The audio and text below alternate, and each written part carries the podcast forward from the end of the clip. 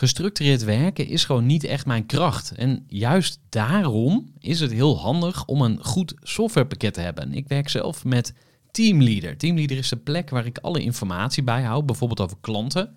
Waarin ik offertes maak en verstuur en die digitaal laat ondertekenen. Waarin ik facturen verstuur, waarin ik lijstjes bijhoud, waarin ik projecten kan managen, waarin ik standaard e-mails kan programmeren. Kortom, ik gebruik Teamleader om alle werkprocessen van mijn bedrijf te stroomlijnen. En zeker ook als je met een team werkt, is het heel fijn om over dezelfde informatie te beschikken. Nou, als je ook benieuwd bent of er mogelijkheden zijn om jouw bedrijf meer te stroomlijnen, of je nu alleen werkt of met een team, ga even naar teamleader.nl slash groeivoer en je kunt dan vandaag nog een trial starten voor twee weken lang, gratis. En je kunt Teamleader volledig uitproberen. En na de proefperiode krijg je ook nog zo'n leuke korting als luisteraar van Groeivoer. Ga naar teamleader.nl slash groeivoer.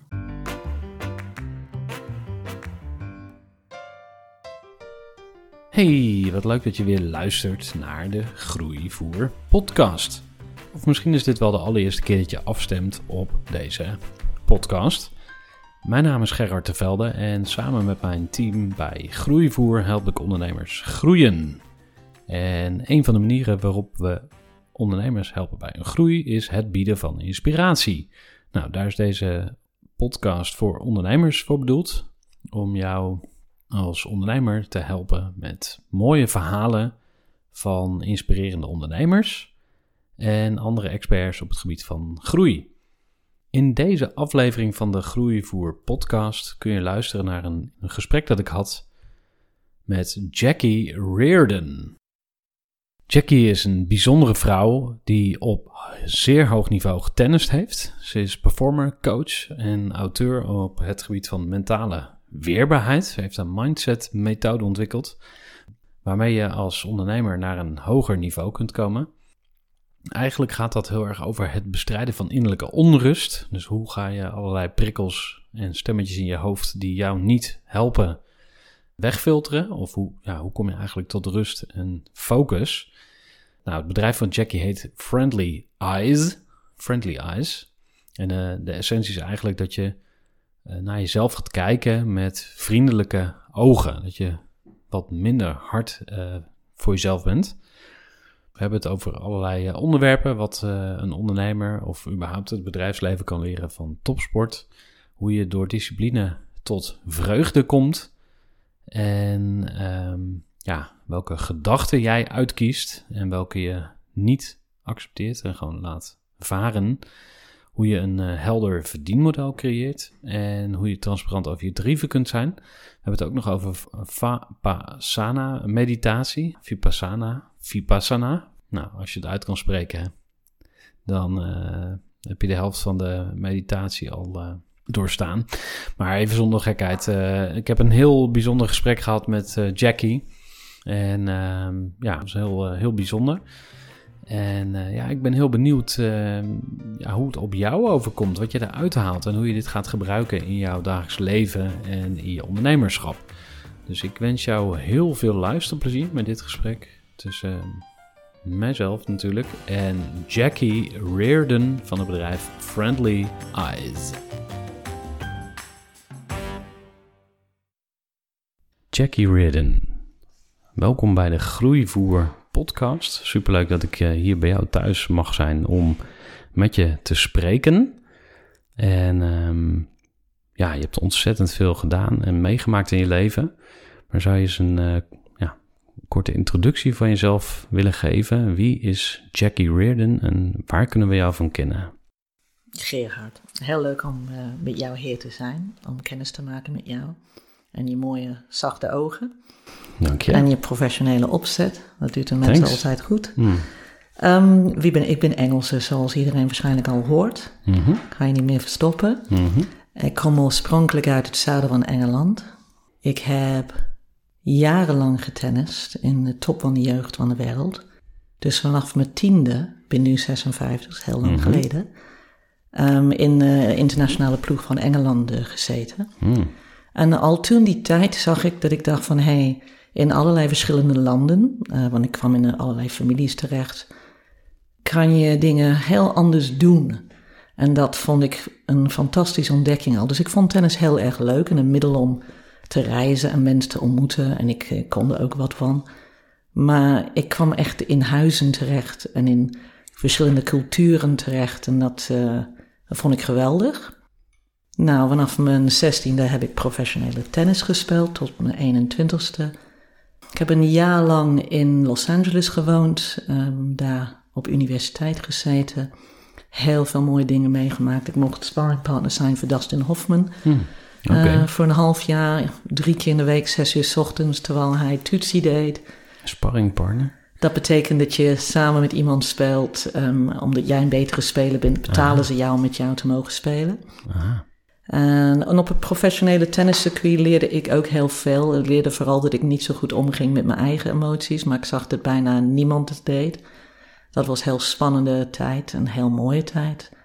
En vanuit de professionele tennis ben ik beland in professioneel lesgeven aan de topjeugd van Nederland. Toen onder leiding van Stanley Franke. Stanley Franke was een visionair, vind ik. Hij was een zwarte Surinamer.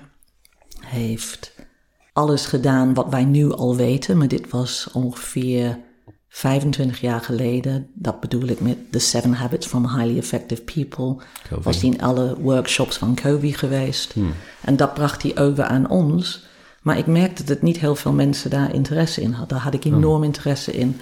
En Stanley was de mentor toen die tijd van Richard Krajcek, de Jacko Elting, uh, Paul Haarhuis. Eh, dat was toen Nederland echt een grote tennisland was. Dus hij was mhm. duidelijk visionair. En ik, uh, hij mentorde mij voor vijf jaar. Dat vond ik fantastisch, daar ben ik nog dankbaar voor.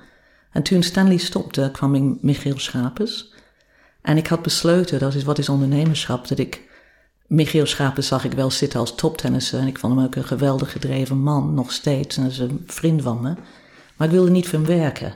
Hmm. Ik dacht van, nou, dat, voelt niet goed. Hmm. Um, dus ik heb besloten om mijn eigen bedrijf op te zetten. Dat was tennisreizen. En voor twintig jaar heb ik heel gedreven tennisreizen gedaan. Twintig jaar? Twintig jaar lang heb ik over de hele wereld gereisd met groepen. En ik heb gekeken naar hun gedrag. En toen dacht ik, het maakt niet uit of je een proftennisser bent of een uh, recreatietennisser.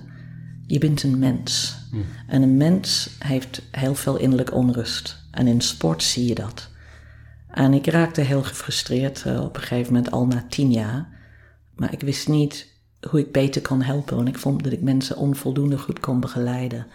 En ik nam allerlei privécoaches en allerlei cursussen en allerlei opleidingen om mij. En ik las alles over het mentale.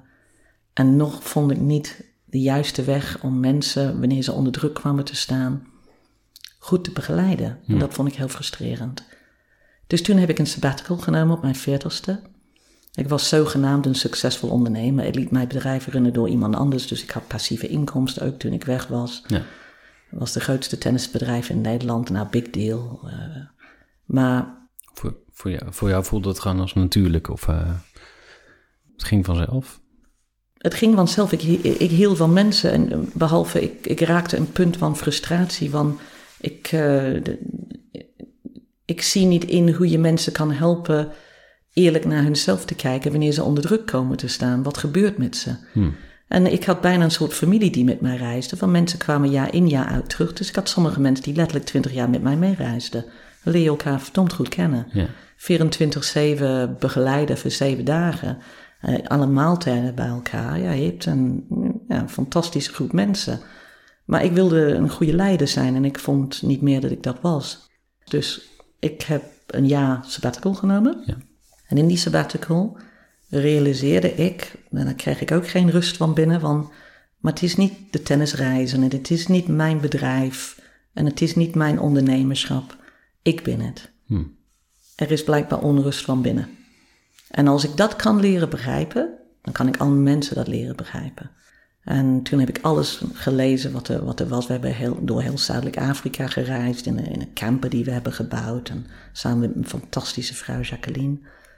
En um, heel veel lifters nam ik mee ook. Want, want, ik had het gevoel dat mensen die veel minder hadden, veel rustiger waren. Hmm. En ik begreep niet waarom. Dus veel geleerd van mensen door te praten. Maar uiteindelijk nogmaals, het is niet de buitenwereld, het is de binnenwereld. Dus ik ben gaan mediteren. Nou, als topsporter, ex-topsporter dacht ik, als ik mediteer, Gerhard, dan ga ik dat goed doen ook. Want ik wilde de beste meditator zijn. Ah, ja. Dus de topsport mentality. Ja, nou uiteindelijk een, uh, niet de juiste insteek, maar dat leg ik zo uit. Hm. Toen ben ik uh, gaan inschrijven voor een cursus die nu heel bekend is, maar toen die tijd niet. Want toen was ik 40, dat is 16 jaar geleden. En dat heette uh, Vipassana cursus door Gwenka. Tien dagen lang, tien dagen lang. Tien uur per dag mediteren, 34 ochtends opstaan tot 9 uur 30. En niet praten, niet naar elkaar kijken. En ik dacht, dit is een secte, dit is een hele foute boel. Want, weet je, het kostte ook geen geld. Dus ik dacht van, nou, die mensen zijn gewoon gestoord, weet je. Mm. Want ik, ik, ik, begreep niet liefdevol compassie op dat moment. Ik was een echte ondernemer. En waar was dit? In... Kappen in Noord-Nieuw-Zeeland op dat moment. Oké. Uh, nou, ben ik dat gaan doen. En de enige wat ik wilde doen was de beste meditator zijn. Er waren 80 mensen, dus ik dacht van nou, ik ga wel stilzitten. Ik zie hoe de leraar dat doet. Ik ga precies doen wat iedereen zegt. En dit ga ik begrijpen. Gonna master this. Ja, nou, ik kon er echt natuurlijk geen helemaal moer van. Het was wel zo slecht. Ik, ik werd helemaal gek. Ik werd soort half psychotic.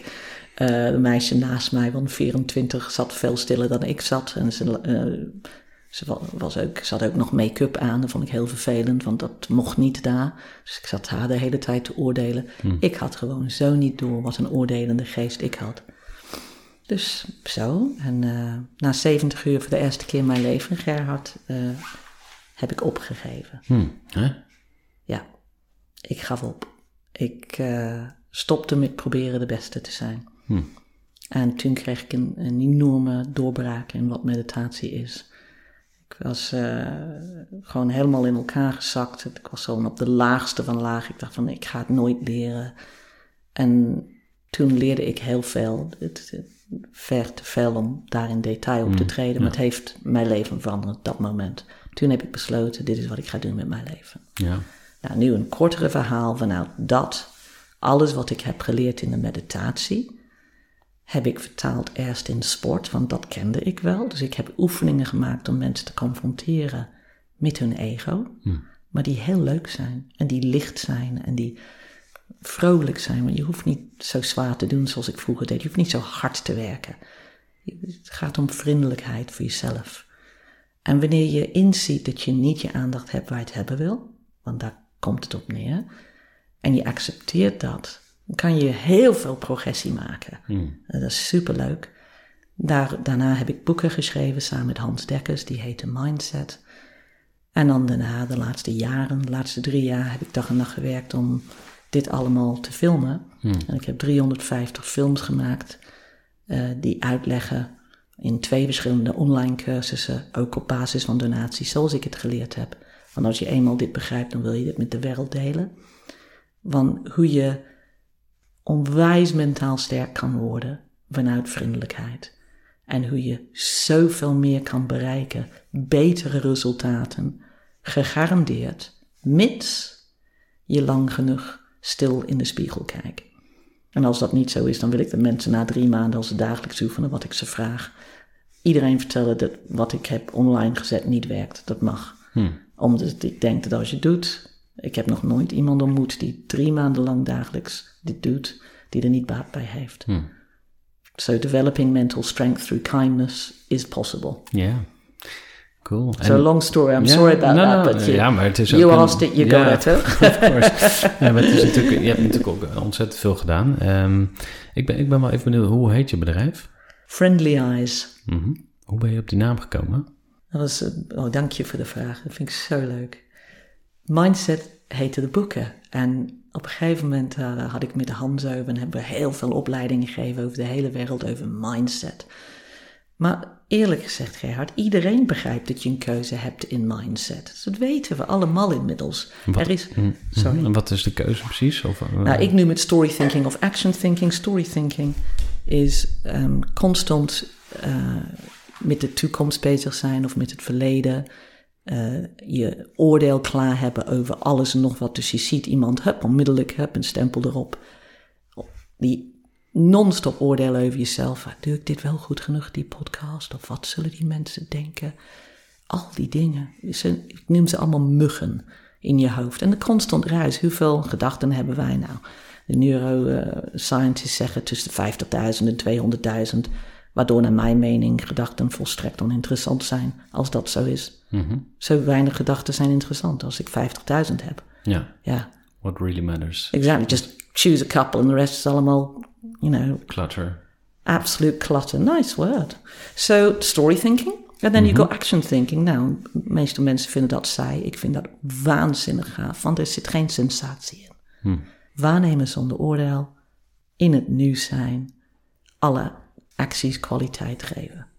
Zo leuk. Hmm. En wanneer je dat gaat doen, wanneer dat je prioriteit wordt, wordt het leven een enorme feest. Een, een tsunami van energie komt vrij, mits dat de nummer één prioriteit is. Alle roddels, alle rare dingen, die gaan naar de achtergrond. Alle oordelen. En je energie gaat waar je het hebben wil. Nou, mensen weten dit. Je wil, jij, jij leest ook Eckhart Tolle. We, al dit kennis staat gewoon voor de rapen voor ons. Ja, ja. En dan, dat is mindset. Mhm. Maar uiteindelijk, wat is de reden dat we het niet de nummer één prioriteit maken? Omdat we raken zo vaak gefrustreerd. We krijgen niet de resultaten die we willen. We geven op en we gaan terug naar onze oude patronen. En dat vind ik, ja, dat is mijn levensmissie om met mensen te helpen. Van joh, wees eens vriendelijk voor jezelf. Geniet van wat je aan het doen bent. En ja, het is, het leven is een struggle. I'm not going to bullshit. I mean, Jesus.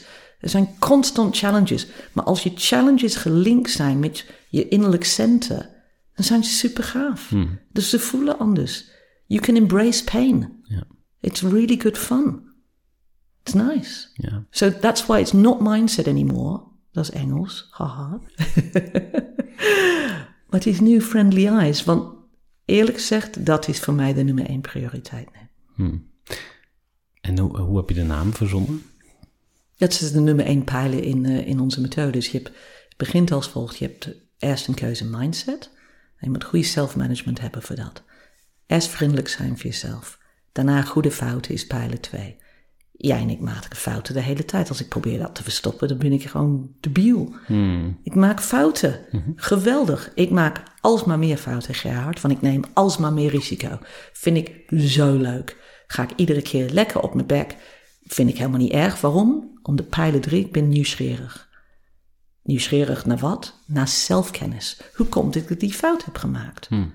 Daarna heb je discipline nodig. Iedereen denkt, ja, discipline, ja, dat heb ik wel honderd keer gehoord. Ik heb wel discipline. De type discipline die ik beschreven heb met meditatie, is helemaal niet de juiste discipline. Dat is vanuit hardheid. Discipline is de grootste genot die een mens kan hebben, want het brengt vreugde. Het is eigenlijk een soort inzichtelijk anticipatie op al die successen die je eigenlijk aanbiedt.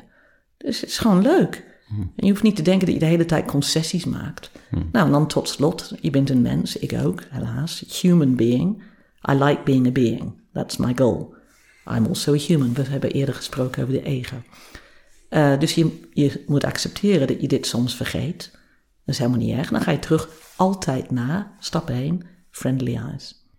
Even een korte onderbreking met een belangrijke vraag aan jou. Want wat heb jij geregeld voor het geval je van de ene op de andere dag zou komen uit te vallen? Wat gebeurt er dan met je bedrijf, maar vooral wat gebeurt er met jou persoonlijk en ook in financieel opzicht? Samen met ASR voerde ik drie openhartige gesprekken over tegenslag en veerkracht. En dat deed ik met Saskia, Vincent en Pieter. Ondernemers met een bloeiend bedrijf die van de ene op de andere dag niet meer konden werken. En die verhalen hoor je in aflevering 256, 257 en 258 van deze podcast. Als ondernemer wil je natuurlijk niet uitvallen. En daarom is het belangrijk dat je veerkrachtig bent, want voorkomen is beter dan genezen. En als het dan toch misgaat, is het fijn dat je iets geregeld hebt, zodat je weer snel door kunt met ondernemen. Wil je weten hoe veerkrachtig jij nu bent? Vul dan in twee minuten de veerkrachttest van ASR in. Ga naar asr.nl/slash veerkrachttest ondernemers. Want zodra je jezelf niet leuk vindt wanneer je een van die dingen bent vergeten, ja, dan, dan ga je in een negatieve spiraal naar storythinking. Hmm. Dus storythinking, dat zijn de verhalen die je uh, verzint. Dus eh, die, uh, waar, waar, komen die verhalen eigenlijk vandaan? Zijn het verhalen van anderen die je erbij pakt? Of verzin je zelf een verhaal? Of hoe? Zo'n meta-vraag. Het is een fantastische vraag. Uh, ik weet niet waar gedachten vandaan komen. Maakt ook niet uit. Persoonlijk, hm. als je mij persoonlijke mening mhm. vraagt, gebaseerd op wat ik heb ervaren met uh, nou, de laatste 17 jaar extreem veel mediteren. denk bijna dat gedachten zelfs van buiten afkomen. Hm. Misschien niet eens van binnen. Ik, ik weet het niet. Nee. Maar ik vind ze niet zo interessant. Het is het waarnemen van al deze verhalen die de ego maakt. En ze is gewoon niet zo serieus nemen. Een beetje licht worden van, joh, oh ja, ja, ik zit weer over die te denken, want dat was irritant. En ja, jij me nee, en moeilijk, moeilijk. Ja, neem het niet zo serieus. Zodra je, dat, dat je opvalt, hm. dan schakel je naar, ja, hé, maar waar wil ik nu mijn aandacht hebben? En je merkt het verschil in stemmengebruik ook. Hè? Dus ook binnen je eigen mindset, wat voor type stem gebruik je? Jij hebt een dochter van vijf, geloof ik, hè? Mhm. Denk ja, vijf maanden nog. Zo, oh, nee, ja, kwalijk. Ja. ja, vijf maanden, ja, inderdaad. En uh, Fine, en wanneer je met haar spreekt, welk stemgebruik heb je? Nou, licht, hoog, liefdevol.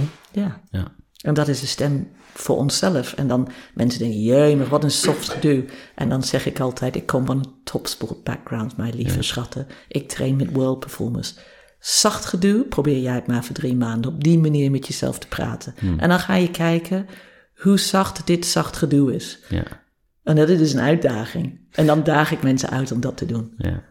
Kan, kan je eens wat voor, uh, een voorbeeld geven van, uh, je, je hebt met, met topperformers gewerkt en dat doe je nog steeds. Mm heb je daar een concreet voorbeeld van? Van iemand waar je mee gewerkt hebt en eh, een soort van voor- en een na-situatie. Dus iemand zat in oude patronen. Ja, tuurlijk. Dat is hartstikke leuk om te vertellen. Ja. Wat we gaan doen is, ik ga eerst een voorbeeld noemen vanuit sport. Waardoor het heel concreet is, want dan kan je onmiddellijke resultaten zien in sport. In het bedrijfsleven krijg je zeker resultaten, maar het is meer op lange termijn. Hm. In sport kan je dat soms zien binnen uh, nou, een uur? Of... Ja, exactly. Uh, en sowieso binnen enkele maanden zie je een wereld van verschil. Hm. Dus ik ga eerst een verhaal benoemen uh, over een Olympische sporter, waarvan ik weet dat hij dat oké okay vindt, want hij is ook ambassadeur van Friendly Eyes. Hm. En daarna ga ik jullie vertellen hoe ik zijn verhaal heb gebruikt in een bedrijf die ik acht jaar train in Zuid-Afrika. Dat heet New Power, dat is een solar energy company. En hoe de kennis van deze um, boogschutter het bedrijfsleven heeft geholpen. Hmm. Want het gaat om cross-pollination, kruisbestuiving. En dat is, alles is hetzelfde. Aandacht is aandacht. Waar je aandacht op focust, dat is wat gaat gebeuren met jouw leven. De ontkenning daarvan van een gemiddelde mens is gigantisch. Dus nu gaan we naar een concreet voorbeeld. Want ontkenning die veranderd is in volledig friendly eyes. Chef van den Berg is een um, Olympische boogschutter. Toen ik hem leerde kennen, was hij nummer 104 in de wereld. En hij was iemand met hele lage self-management. Zijn uh, kamer was altijd een volledige bende. En zijn, hij kwam soms laat op practices. Hij was een van de meest talentvolle schutters. Dat was zeker. Um, alleen, ja, hij zag niet in wat een bepaalde zelfdiscipline, hoe dat zou kunnen helpen. Ook wanneer hij zijn um, pijlen schoot, keek hij met een regelmaat naar de pijlen van de andere schutter die naast hem waren. En ook wanneer hij een pijl had geschoten, keek hij om zich heen. Dus ik probeerde hem inzicht te geven in ben je ervan bewust dat iedere keer dat jouw ogen naar de pijl gaat van jouw medeschutter, dat jij eigenlijk met jouw aandacht naar zijn getal gaat. Dus nou, stel dat hij een 10 heeft geschoten, een chef een 9. Ja, dat is natuurlijk bloedirritant. Uh, want ja, dat is natuurlijk beter. Ja, dan kom je gewoon achter te staan en dan, ja, dan krijg je meer stress. Maar dat komt omdat je aandacht daarop vestigt. Zo simpel is het. Of dat die andere een 7 schiet, die echt zo laag is. Een chef, ja, die heeft net een, een 10 geschoten. Dus ja, hij staat nu zoveel voor. Ja, niks aan het handje.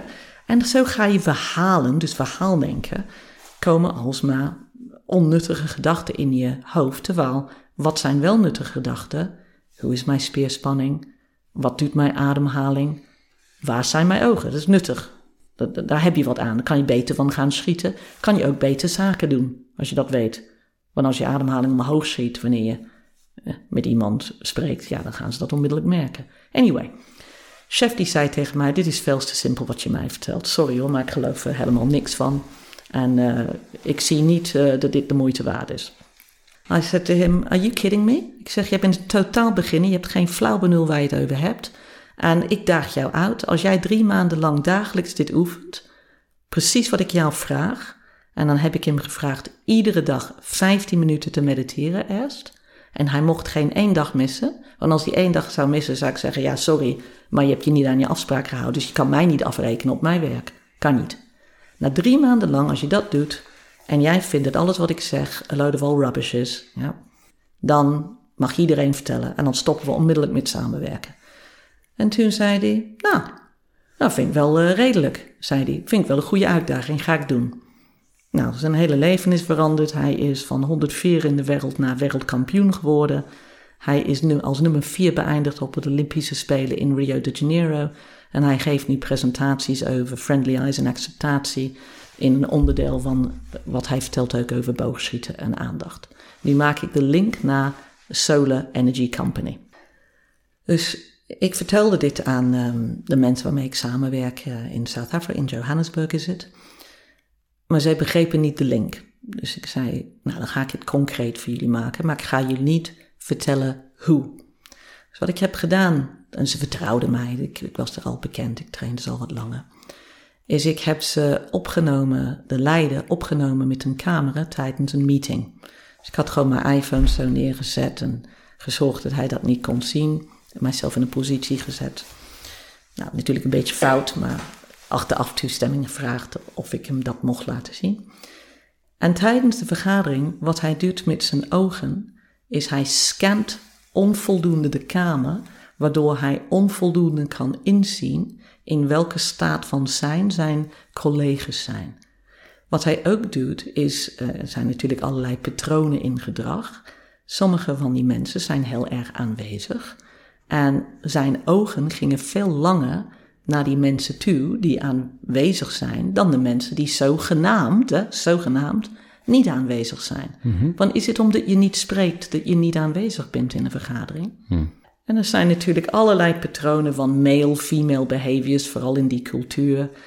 Um, en ik liet hem zien, ik zeg, oh, uh, hij heet Samuel. Samuel, kijk eens even naar deze belden. En toen maakte hij een grapje dat ik het opgenomen had zonder toestemming. En ik zei, het is aan jou, je, mag het, je hoeft niet te kijken of je mag het weggooien. Uh, maar hij was heel dankbaar, want hij zag dat hij veel langer met zijn aandacht bleef bij de, de, mensen die dwongen hem aandacht te geven. Hmm. Dus hij was in die zin niet sterk genoeg een leider om te zorgen dat iedereen aan het woord kwam. En hij zag ook niet wanneer mensen verdwenen. Want sommige mensen verdwijnen wel dan op dat moment als iemand te lang aan het praten mhm. is. En je betrekt de anderen er niet bij. Of als iemand als een point heeft gemaakt ja. en stopt dan niet. Dan heb je een disconnect. Van heb je een disconnect, precies. En dan wat iedereen denkt nu op dit moment, Gerhard. Mhm. En dat is de clue, dat is de ego vaak. Oh, maar dit weet ik allemaal. Hm. Ik weet dat mensen dit weten. De vraag is of jij het bewust traint iedere dag waar je aandacht is. Want als jij het bewust traint waar je aandacht is iedere dag, dan word je alsmaar beter in deze dingen. Het gaat om iedere keer de kleinste detail. Dus in een meeting, wanneer ik in een meeting ben, dan ben ik constant aan het scannen van hoe zijn de handen, hoe is de ademhaling, welke oogopslag heeft iemand, hoeveel keer knippert iemand. En dat zijn dingen aan het begin die kosten je veel energie om te doen. Dat kost mij nu geen energie meer, omdat ik dat 17 jaar train. Dus gewoon met één zachte blik zie je precies eigenlijk of iemand gecenterd is of niet. En het zijn dat soort kleine details die maken het verschil in alles wat we doen. En het maakt ook het leven een genot, want dan is iedere moment een nieuwe moment, is iedere ademhaling een nieuwe ademhaling. En dan wordt life exciting. Hmm. Ja, dat is een bijzonder gesprek wat ik heb met uh, Jackie. En het gesprek is natuurlijk nog niet afgelopen, maar ik heb even een mededeling voor je. Dat is uh, dat ik namelijk een club ben gestart, de Groeiclub voor Ondernemers.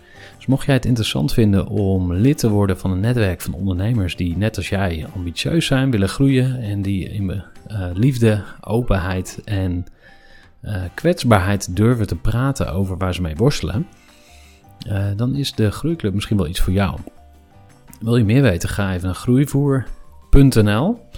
Dan kom je alles te weten. En als je nou echt even wat meer inhoud zoekt in informatie, plan dan een telefonische afspraak met mij in. Want ik zou je graag persoonlijk leren kennen om te kijken of jij en de Groeiclub bij elkaar passen. Dus um, als je een keer persoonlijk kennis wil maken met mij, neem even contact op via de website en dan plannen we binnenkort iets in. Dan gaan we nu weer terug naar het gesprek met Jackie Reardon van Friendly Eyes. Hm. Dus voor mij, wat is ondernemerschap? Misschien moeten we elkaar vragen. Ik denk dat dat, mag ik die vraag stellen? Tuurlijk, ja, graag. Zou ik jou dat mogen vragen? Zeker. Um, Interessante vraag, want ja, heel veel mensen verstaan er iets anders onder. Voor mij uh, gaat het over creatie, dus iets maken wat er nog niet is, of wat er misschien al is, maar het uh, manifesteren, maar dat is weer een beetje uit de law of attraction en uh, een beetje zweverig gedoe. Maar gewoon iets, iets maken wat er nog niet is, dat is voor mij ondernemen. -huh. En het tweede wat me te binnen schiet is mensen helpen, dus serving others, zeg maar. Hmm. Ja, dat je daar toevallig dan ook je boterham mee moet verdienen, zeg maar. Dat, dat, mhm. dat komt pas later. Mhm. Dat is wel heel belangrijk.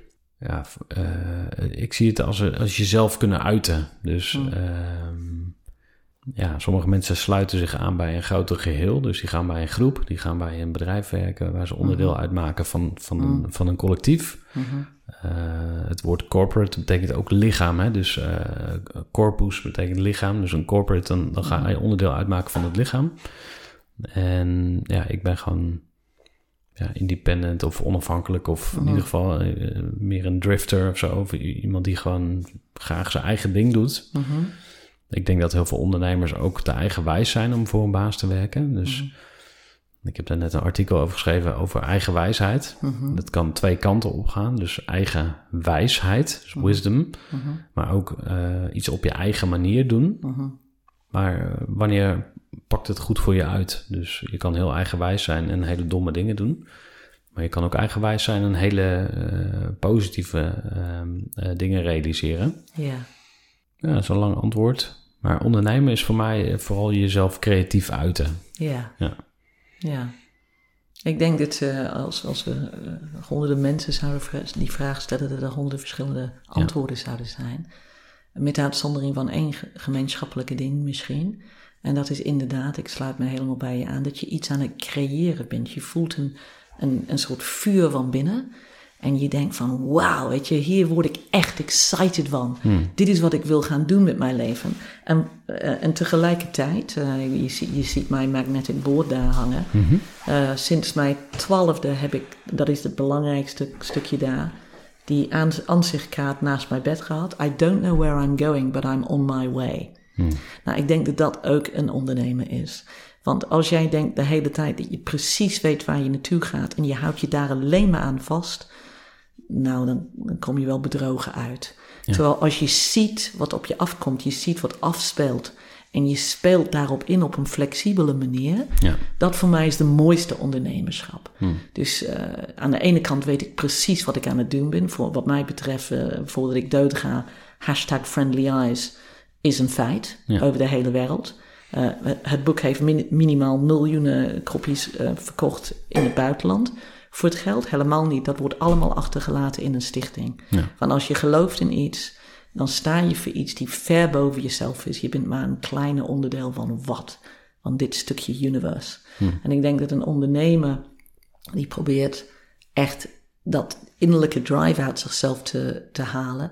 En to express it, to express it in life. Mm And it can be everything. It can be solar energy. Mm -hmm. uh, maar heel vaak wat een andere dient ook. Ja. En wat mij betreft, wat ik heb mogen zien met ondernemerschap, als je alleen maar uit bent om geld te verdienen, joh, dan kan je heel succesvol zijn. Maar heel vaak ben je zo diep verdrietig van binnen. Hmm. En ik wil daar een kort verhaal even vertellen waarom ik eh, daar tot heel vroeg inzicht ben gekomen. Ja.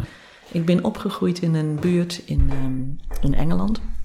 Dat heet St. George's Hill. En St. George's Hill is een soort uh, Beverly Hills of England. Dus daar woonden werkelijk allemaal miljonairs en, en biljonairs. En mijn ouders waren hele aparte mensen. Ik ben ze nog steeds dankbaar voor hun aparte opvoeding. Ze hadden geen geld, maar ze kregen het voor elkaar op een hele rare manier om een huis in dat buurt te kopen. Dus wij waren de enigen die daar woonden, die echt werkelijk, we hadden nauwelijks geen geld om met de auto eh, naar de winkels te gaan, binnen hmm. de barrières heen. Dus ik heb mogen zien in de tennisclub waar ik speelde daar, de top van Engeland, onderling, mijn hele jeugd.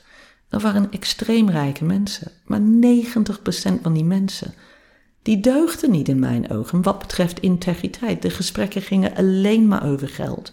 Vrouwen werden uitgewisseld. De grootste feesten werden gegeven. Maar nooit dat ik zag de geluk dat ik heel vaak zag in families waar ik verbleef. Mhm. In het buitenland vanuit de tennisteams. Ja. En uh, het was het was een hele rare jeugd in die zin, die mij heel veel inzicht bracht in, maar wat is het waarde van het leven? Waar gaat het om? Hmm. En uiteindelijk, um, I think a very nice one-liner that I came up with, I don't mean arrogantly, that's awful, something that really made me happy the other day, and I'll say it in English because it only works in English. Nothing matters except love. Now, how would you like to spell the word accept? Would you like to spell it E X C E P T? Would you like to spell it A double C E P T? So you have to accept love. But you also, nothing matters except love. En dan weer, het klinkt zo zacht. Alleen de kwetsbaarheid en de lef dat je hebt om dat zo te uiten, dat is een andere niveau hoor. Ja, maar zou je jezelf ook verlicht noemen dan? Nee. nee. Nog steeds niet? Nee, ik denk wel dat het mogelijk is in deze leven. Verlicht, uh, nee, ik schrik zelfs dat je het zo zegt. Nee, ik ben gewoon een, een mens die mijn best doet. Hmm. En uh, ik ben dankbaar voor alles dat op mijn pad komt en voor mensen die, die zien wat ik probeer te doen en die, die mij helpen. Ja. Um, je hebt uh, Friendly Eyes opgericht. Welk jaar was dat? Vier jaar geleden. Dus oh, het heette eerst Mindset, hè? Ja. Dus ik heb dat 17 jaar geleden opgezet. Hmm. 17 jaar ben ik dag en nacht nu bezig met story thinking en action thinking. Ja, want uh, mindset is iets waar, waar nu iedereen over praat. Uh, op dit moment, sinds anderhalf, twee jaar, is er enorm veel aandacht mhm. voor personal development. In ieder mhm. geval in de bubbel waar ik mij in bevind. Maar ook in het, in het bedrijfsleven wordt er steeds meer aandacht aan besteed. En ook hebben heel veel mensen het over mindset. Ja. Maar jij was dus al veel eerder mee bezig. Mhm. in, in het begin vooral op de sport. Mhm. Je hebt daar ook boeken over geschreven. Daarna ben je die kennis ook uh, gaan toepassen in het bedrijfsleven. En dat doe je dus samen met topsporters, maar ook gewoon zelf. Wat zijn je diensten? Dus hoe, hoe, uh, ja, hoe werk je met, uh, met, met het bedrijfsleven? Geef training of Ik denk wat interessant is voor mensen, want het is ook, uh, hoe verdien je dan geld? Is natuurlijk ook mm interessant. Hoe heb ik mijn bedrijf opgezet? Nou, dat vind ik ontzettend leuk om glashelder erover te zijn, want dat gaat ondernemers helpen. Mm. En ik, dat was voor mij een enorme struggle. Ik wist helemaal niet wat ik moest doen om, uh, uh, om een juiste verdienmodel voor mijzelf te creëren. En die heb ik nu gevonden. En het gaat als volgt. Ten eerste, ik heb passieve inkomsten van mijn boeken, zowel in het buitenland als in Nederland. Het, boek in Nederland is, ik geloof, nou, die verkoopt nog steeds heel goed ieder jaar. En daar heb ik een. Uh, royalties, uh, royalties van. Hmm. De boek is in eigen beheer. Oh Waarom? Het was eerst bij een uh, uitgever en die hadden gezegd dat het een C-boek was. Hm, en ik zei, kan je mij uitleggen wat een C-boek is? Ah ja, we hopen dat we duizenden kopieën kunnen verkopen. Hm. Toen heb ik gevraagd of ik terug mocht kopen en in eigen handen kon nemen. Dat mocht. Uh, het heeft nu uh, meer dan 20.000 boeken verkocht in Nederland. Hm. Dus dat was super. Dus dat is één. Uh, hoe, hoe heb ik dat boek geschreven? Nou, ik heb er twee jaar op gewerkt met Hans Dekkers in mijn kantoor in Amsterdam. En we hebben daar geen geld voor gekregen, maar we hadden een visie. Nou, daarnaast heb ik, um, dus dat is één bron van inkomsten. Andere bron van inkomsten is, als ik dingen doe voor grote bedrijven, en nu ga ik een hele ruige uh, Engelse uitdrukking voor gebruiken.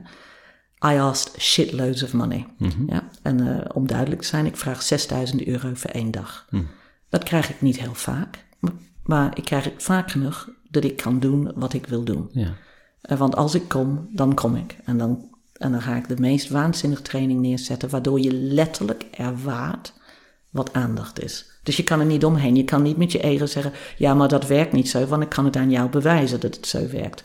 Het heeft mij, om dat soort bedragen te kunnen vragen, ongeveer, niet ongeveer, laat ons precies zijn, 12 jaar onderzoek gedaan, geduurd, om uit te vinden welke oefeningen werken en waarom. En ook welke interventies nodig zijn om mensen zonder hun te kwetsen te laten inzien: hé, hey, wacht even, dit is wat gebeurt met je ademhaling. Dit is wat gebeurt met je speerspanning. Dus dat is, dus dat is een 12 jaar investering om zo'n dag te kunnen geven voor 6000 euro. Ja. Als ik als spreker kom, dan vraag ik voor 1 uur 2500 euro. Hmm. Nou, de reden dat ik dit soort bedragen noem, is omdat niemand het benoemt. Ja. Ik hou van transparantie. Als je mijn bedragen wil zien, ga je naar mijn website jackiereardon.com of .nl en dan kan je naar tarieven gaan. Ja.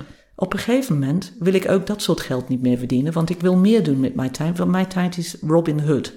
I love stealing from the rich and giving to the poor. Mhm. Dus wat ik wil doen met mijn leven, en dat begin ik al in november uh, uit te zetten, is ik ga over de hele wereld heen korte workshops geven waarom Friendly Eyes work. Dus waarom de zes week online cursus Discover, die veel van deze oefeningen die ik geef bij bedrijven, uitgelegd zijn. Die veel dingen wat ik heb gedaan met Olympische atleten uitgelegd worden. En dat is op basis van donatie. Dus ik ga in South Africa beginnen met Olympische coaches een workshop geven van hoe ze de cursus Discover kunnen gebruiken. Daar zijn geen kosten aan verbonden. Ik betaal mijn eigen vluchten. Ik betaal mijn eigen accommodatie. Waarom geef ik dat weg? Van ik ben van mening dat als een atleet dit begrijpt, à la chef van den Berg, en ze begrijpen mij echt, dat zij iedereen gaan vertellen, dit werkt. Ja. Dan ben ik goedheid aan het verspreiden, word ik blij. Ja. Mensen die Discover doen, dat is zes weken lang, en die denken, oh ik snap het, maar ik kan het nog niet, die gaan drie maanden lang Experience doen. Dat is mijn tweede online cursus. Dat is ook op basis van donatie. En dat is drie maanden lang dagelijks mediteren. Dus dat is de manier waarop ik mijn geld verdien. Een andere manier waarop ik mijn geld verdien is, um, ik werk samen met uh, Barbara Hannigan. Barbara Hannigan is een van de beroemdste operazangeressen en dirigenten in de wereld. Als zij komt naar uh, Amsterdam, waar ze vroeger woonde, um, dan is het concertgebouw onmiddellijk vol, sold out. Hm. Om je een idee te geven van haar kaliber. Royal Albert Hall, London, sold out. Ja. Ja? Uh, ze, ze, ze, reist over de hele wereld en het is een total soulmate van mij. En Barbara en ik werken twaalf jaar samen en nooit is er geld uitgewisseld. Wij mentoren elkaar. Wij delen wat gebeurt in performing art en wat gebeurt in topsport en wat gebeurt in bedrijven en wat kunnen we dan leren. Nou, Barbara en ik, nogmaals, hebben elkaar gementord. Maar zij heeft besloten een mentoringprogramma op te zetten met onze kennis samen voor jonge artiesten. Zodat zij niet hoeven mee te maken wat zij meemaakten en ook wat ik meemaakte in onze jeugd. Dat, wij begrepen niet hoe je het mentale kon trainen. En dat heet equilibrium. En daarvan uit heeft zij subsidies kunnen krijgen. Eerst hebben we alles zelf opgezet. Twee jaar lang gewerkt met het programma. We hadden geen geld, we hadden helemaal niks. Maar we geloofden erin. Ik ging naar London toe, ik ging naar Gothenburg toe om haar te ontmoeten. Om iedere keer het programma perfect te maken. Nou, en nu is dit programma een feit. We zijn, uh, er is een documentary gemaakt, die komt uit in februari. Hmm. Dat heet Taking Risks. Hmm. Because the only way you're going to be successful is to take risks. Yeah. Invest your time in things that matter. Word je goed genoeg, dan gaan mensen je vragen. Word je heel goed, dan krijg je veel geld. Maar uiteindelijk, ik wil helemaal niet veel geld. Ik wil doen wat ik wil doen. Ik wil dit verspreiden over de hele wereld. Ja. En wanneer mensen dat begrijpen, dan helpen ze. Dus Barbara betaalt mij voor dat onderdeel nu dat zij subsidie heeft gekregen. Nou, dat is niet heel veel geld, want we werken ongeveer 15 jaar per jaar samen. Hmm. Maar het is wel de, de baan van mijn leven. Het is waar ik voor leef. Kijk, als je kijkt naar dat, zie je Visitor uh, Royal Opera uh, Hall, Visitor California Festival, Ojai, where Krishnan Namurti used to live. That's where she's just been to. Is leuk. Ja. Leven is leuk. Ja, want je, hebt, je gebruikt ook de metafoor van dansen. We hadden het in, in het Oh, we hadden het over your ego. Ja, Ja, dat is iets dat ik van Reinbert, Reinbert de Leeuwen heb geleerd. Reinbert de Leeuwen is een van de grootste muzikus in, in Nederland. Hij is een composer. Uh, en hij werkt samen met Barbara. En ik zat naast hem toen zij optrad met haar Grammy Award-winning uh, Crazy Girl performance van Gershwin in een concertgebouw. En ik vroeg Reinbert het volgende. Ik zei, Reinbert, zou je mij kunnen uitleggen hoe Barbara op dit niveau kan performen? Um, en dat ze kan omgaan met alle energies van de orkesteren, want ze dirigeert en ze zingt. Hm. Alle druk van die toeschouwers. En iedere keer opnieuw ook nog vriendelijk kan zijn tot het moment dat ze op het podium blijft. Hoe, hoe doet ze dat? Hm. Wat kan ik uitleggen aan de jonge artiesten? En dit gaat ook om wat kan ik uitleggen aan ondernemers. En hij zei tegen mij, Jackie, zij heeft geleerd om te dansen met haar ego. Als je eenmaal dat niveau wil bereiken, hm. en ook als wat ik wil doen met mijn leven, als ik dat over de hele wereld wil neerzetten, ergens moet ik ook een beetje een ego hebben. Je hebt een ego nodig om je even naar boven te brengen. Te boosten. Juist. Hm. Maar als je eenmaal daar bent, ben je volledig 100% in dienst van de ander en deel je de talenten die jij ja, bevoorrecht bent om te mogen hebben. Die drive die, die, die je hebt. Jeetje, wat, wat, wat zijn we geluksvogels daarin? Hm. En dan alle werk die je hebt gedaan om dat niveau te krijgen, dat, dien je op naar iedereen om je heen. En dan word je één met iedereen. Het is, het is een hele magische moment. Hmm. So that's dancing with the ego. Maar jij had ook iets heel moois erover gezegd de vorige jaar. misschien is het al een keer bedacht of zo, ik weet het niet. Maar ehm, ik, ik, noem ego altijd rocket fuel. Ja. Dus je hebt het nodig om uit de dampkring te komen. Ja. Maar als je het opdringt, dan ga je dood. Dus hmm. eigenlijk, um, ik ben veel met ego bezig geweest, om, omdat ik mezelf altijd aan het vergelijken was met andere ondernemers. Van hey, oh, hij is al, uh, of zij is al veel verder. Of uh, die persoon die doet veel betere dingen dan ik. Of uh, die persoon die is helemaal niet met geld bezig en ik wel. En ik was de hele tijd aan het oordelen. En ik was de hele tijd mezelf aan het vergelijken. En ik was uh, heel competitief ingesteld, ook vanuit schaarste aan het denken. Dus, oh, ja. uh, ik moet marktaandeel veroveren, want er is maar heel weinig of zo. En ja. ik moet voor elke euro vechten. Ja.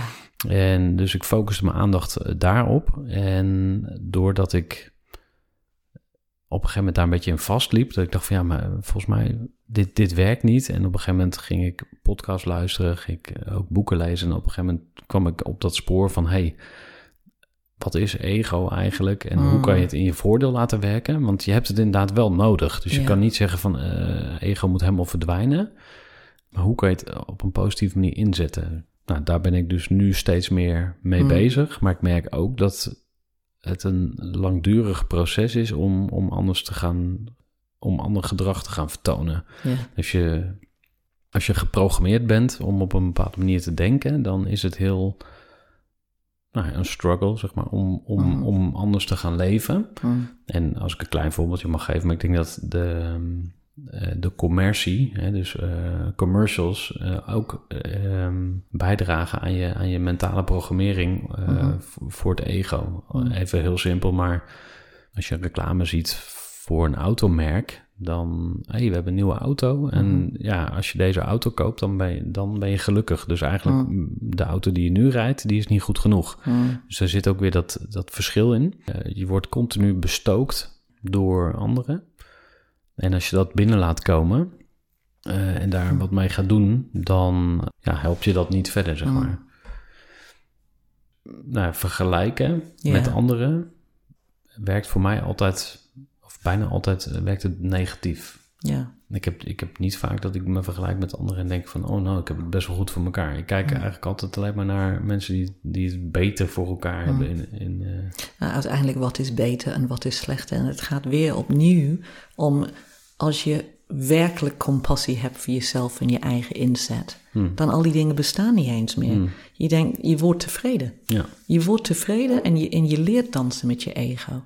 En dat is uh, binnen iedereen's bereik. Iedereen heeft, iedereen heeft dit grootheid in zich. Iedereen. En wanneer je dat gaat zien in mensen, dan is het exciting ook om iedereen te ontmoeten. Ja. En uh, dat, weet je, dat, wat je beschrijft is precies ook wat ik deed op de meditatiekussen toen ik 40 was. Ja. Weet je, vergelijken. Ja, je zit gewoon even de, de, de nuchtere ondernemer uit te mhm. hangen. Maar ja, dat, dat is zweverig gelul allemaal. Waar, waar gaat het nou over? Ja, wat zo heerlijk is met dat zweverige gelul is wat ik zei eh, eerder, dat ik tegen iedereen zeg. Ik zeg, oh ja, zit zweverig gelul. Nou, ga jij dan mijn cursus van drie maanden doen, of een andere cursus, wat jij wil, drie maanden lang, dagelijks mediteren, of tien dagen lang, dagelijks, wacht wel even, ja? Mhm, mhm. dan kan ik je echt laten zien. Mhm. Dan kan je zelf beslissen. Kijk, ik ben een topsporter. Wat denk je dat ik ervan dacht? Ik, ik dacht, die mensen zijn debiel. Waarom zou ik stil gaan zitten? Ik ben een actieve vrouw. Ik ben competitief. Ik wil veel bereiken.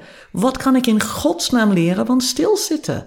Maar wat je leert, is je leert kijken naar je eigen ego. En je denkt van, oh my god, ik focus niet op waar ik mijn aandacht wil hebben.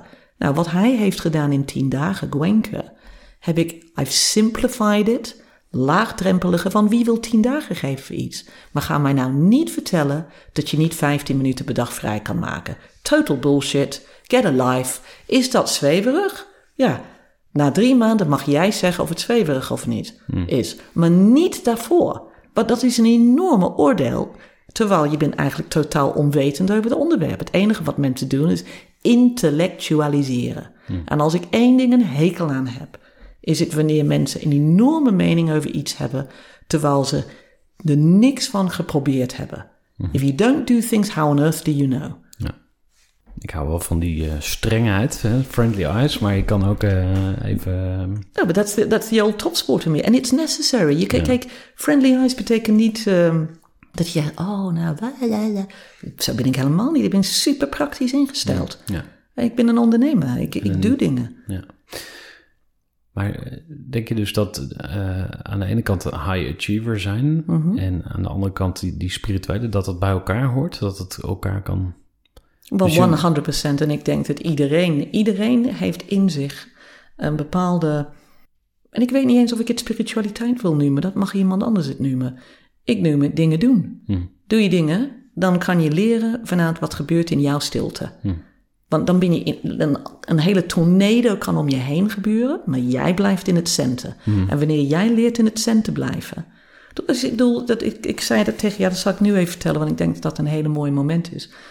Ik ben vereerd. Uh, afgelopen vrijdag heb ik gehoord dat Pieter van der Hogeband ook naast Barbara Hannigan en chef van den Berg um, Friendly Eyes Ambassador gaat worden. Nou, wat houdt dat in?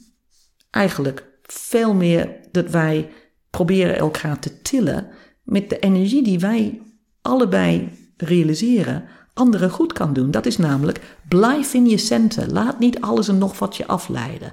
Nou, als je kijkt naar Pieter wanneer hij voorbereid heeft op de Olympische Spelen, dan zie je de spierspanning die hij loslaat. Dan zie je de diepe ademhaling. Dan zie je de oogcontrole. En dan iedereen zegt, ja, maar hoe doe je dat? Ja, wat denk je? Door te oefenen. Trainen. Ja, bedoel, pretty simple, isn't it? Ja. Ze, ze stop saying it's all zweverig, it's all this, it's all that. Do it okay. and then decide for yourself. Oké, dat, dat punt zijn we dan voorbij. kan, kan je een soort van mini... Nee, ik, ik, ik... ik ben die punt nooit voorbij. Ik blijf het zeggen, want mensen willen niet horen. Um, hoe zit dat dan precies met verdienmodellen? In de online uh, trainingwereld en zo, daar wordt gewoon uh, geld verdiend en uh, dat is ook een bepaalde game. Dus het gaat, -huh. het, je hebt ook een, een, boek dat heet The Great Game of Business. Yes. En um, een onderdeel van, van business doen is geld verdienen. Mhm. En dat is niet het doel, maar dat, is, dat hoort erbij of zo. -huh. um, heb je het gevoel dat, dat je als je geld verdient, dat je dan iets moet uitleggen? Of dat je je dan moet verdedigen? Of hoe voelt, oh, hoe voelt het voor jou? Um, de reden dat ik Friendly Eyes, dank je, ja. De Friendly Eyes is gebaseerd op donatie. Waarom? En waarom vraag ik veel geld voor andere dingen? Gwenke's cursus, die tien dagen lang is, met elf overnachtingen en vol pensioen, worden op basis van donaties gegeven. Weet je hoeveel centrums hij heeft over de hele wereld? 283 centrums. Het is de grootste meditatiecursus in de hele wereld, de meest succesvol. En hoe maken zij reclame, Gerhard?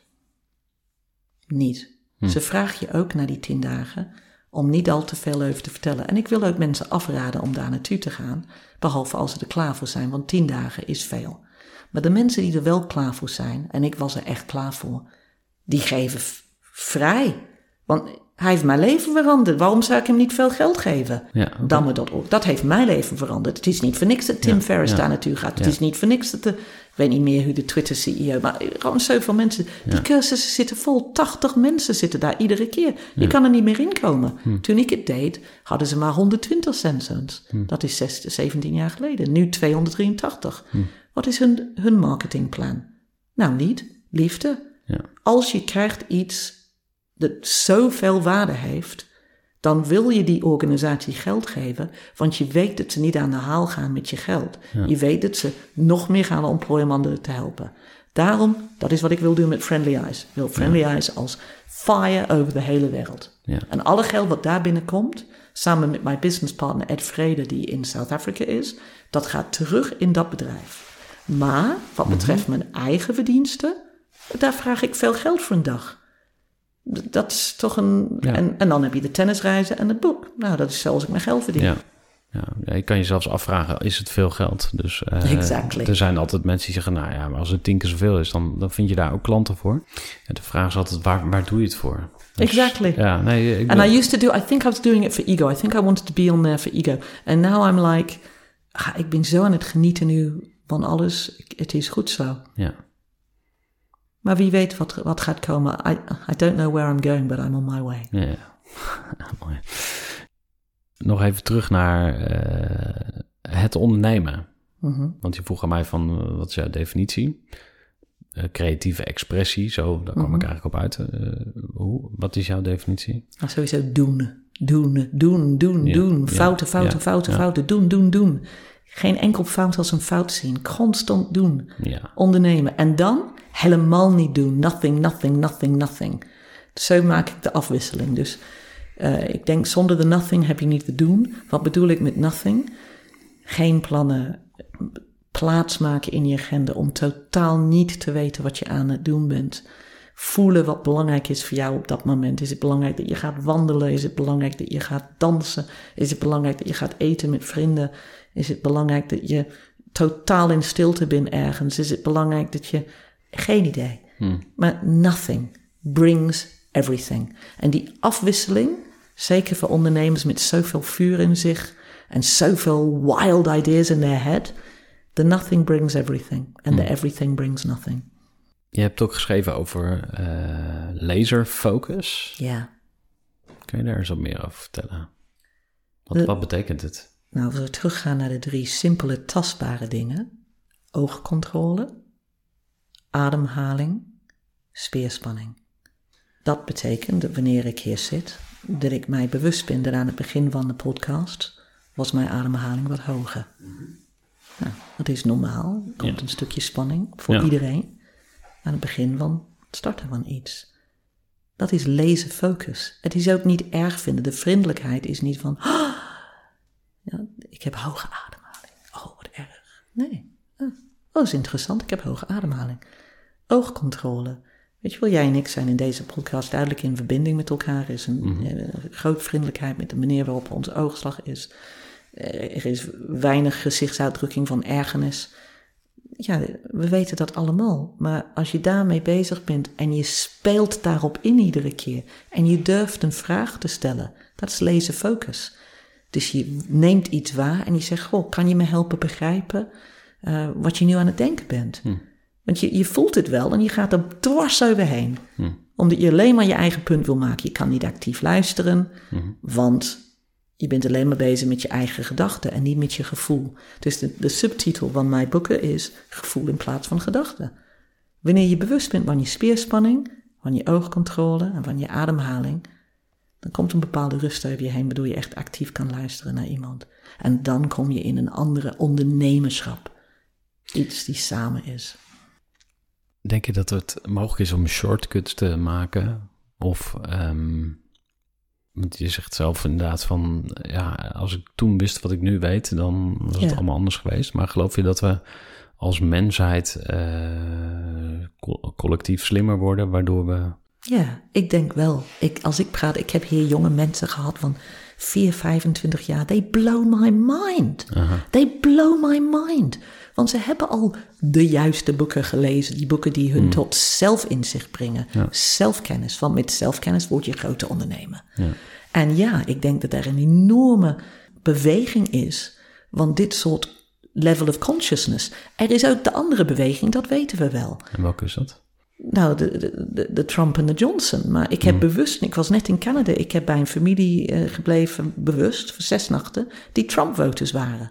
En iedereen zei, dat moet je niet met hun over hebben. Want ja, ik, wat denk je de eerste ding wat ik was? Begrijpen. Help me begrijpen. En ik begreep ze ook een beetje. Learn to understand before being understood. Of course. En ik dacht mhm. van, jeetje Jackie, oordelen, oordelen zelf. Dus ja, er is een doorbraak mogelijk. Maar quick fixes zijn er nooit. Hmm. Maar doorbraken wel. Alleen, het houdt nooit op, Gerhard. Hmm. Want ik ben nu 56. Iedere jaar kijk ik terug en I'm like, wow if I knew then what I knew now. But that's why life's exciting. Dus ja, dit kan, dit kan heel snel gaan aan de ene kant, werkelijk heel snel. Dit kan je voor elkaar krijgen binnen enkele maanden. Alleen, je bent dan een beginner. En ik ben nog steeds een beginner. Hm. En dat meen ik. Mogen we dit ook als uh, your final remark noteren? Definitely. Dankjewel. Ja, dat was het gesprek met Jackie. En uh, ik hoop dat jij daar iets uh, moois uitgehaald hebt voor jezelf. Zodat jij jouw mentale weerbaarheid kan verhogen. Door op een vriendelijke manier naar jezelf te kijken. En uh, ja, ik vond het in ieder geval heel inspirerend om met Jackie dit gesprek te hebben. Namen in tranen afscheid van elkaar. Dat klinkt misschien overdreven, maar het heeft ons allebei echt geraakt. Ik eh, wens jou heel veel plezier bij de rest van je dag, hoe die er ook uitziet. Mocht je deze aflevering leuk vinden, een, uh, ja, post op social media zou leuk zijn, maar misschien kun je het uh, ook gewoon eens doorvertellen aan iemand uit je omgeving, dat je deze podcast geluisterd hebt en daar enthousiast over bent. Leuk dat je luisterde en graag tot een volgende keer. Gestructureerd werken is gewoon niet echt mijn kracht. En juist daarom is het heel handig om een goed softwarepakket te hebben. Ik werk zelf met Teamleader. Teamleader is de plek waar ik alle informatie bijhoud, bijvoorbeeld over klanten. Waarin ik offertes maak en verstuur en die digitaal laat ondertekenen. Waarin ik facturen verstuur, waarin ik lijstjes bijhoud, waarin ik projecten kan managen, waarin ik standaard e-mails kan programmeren. Kortom, ik gebruik Teamleader om alle werkprocessen van mijn bedrijf te stroomlijnen. En zeker ook als je met een team werkt, is het heel fijn om over dezelfde informatie te beschikken. Nou, als je ook benieuwd bent of er mogelijkheden zijn om jouw bedrijf meer te stroomlijnen, of je nu alleen werkt of met een team, ga even naar teamleader.nl slash groeivoer en je kunt dan vandaag nog een trial starten voor twee weken lang, gratis. En je kunt Teamleader volledig uitproberen. En na de proefperiode krijg je ook nog zo'n leuke korting als luisteraar van Groeivoer. Ga naar teamleader.nl slash groeivoer.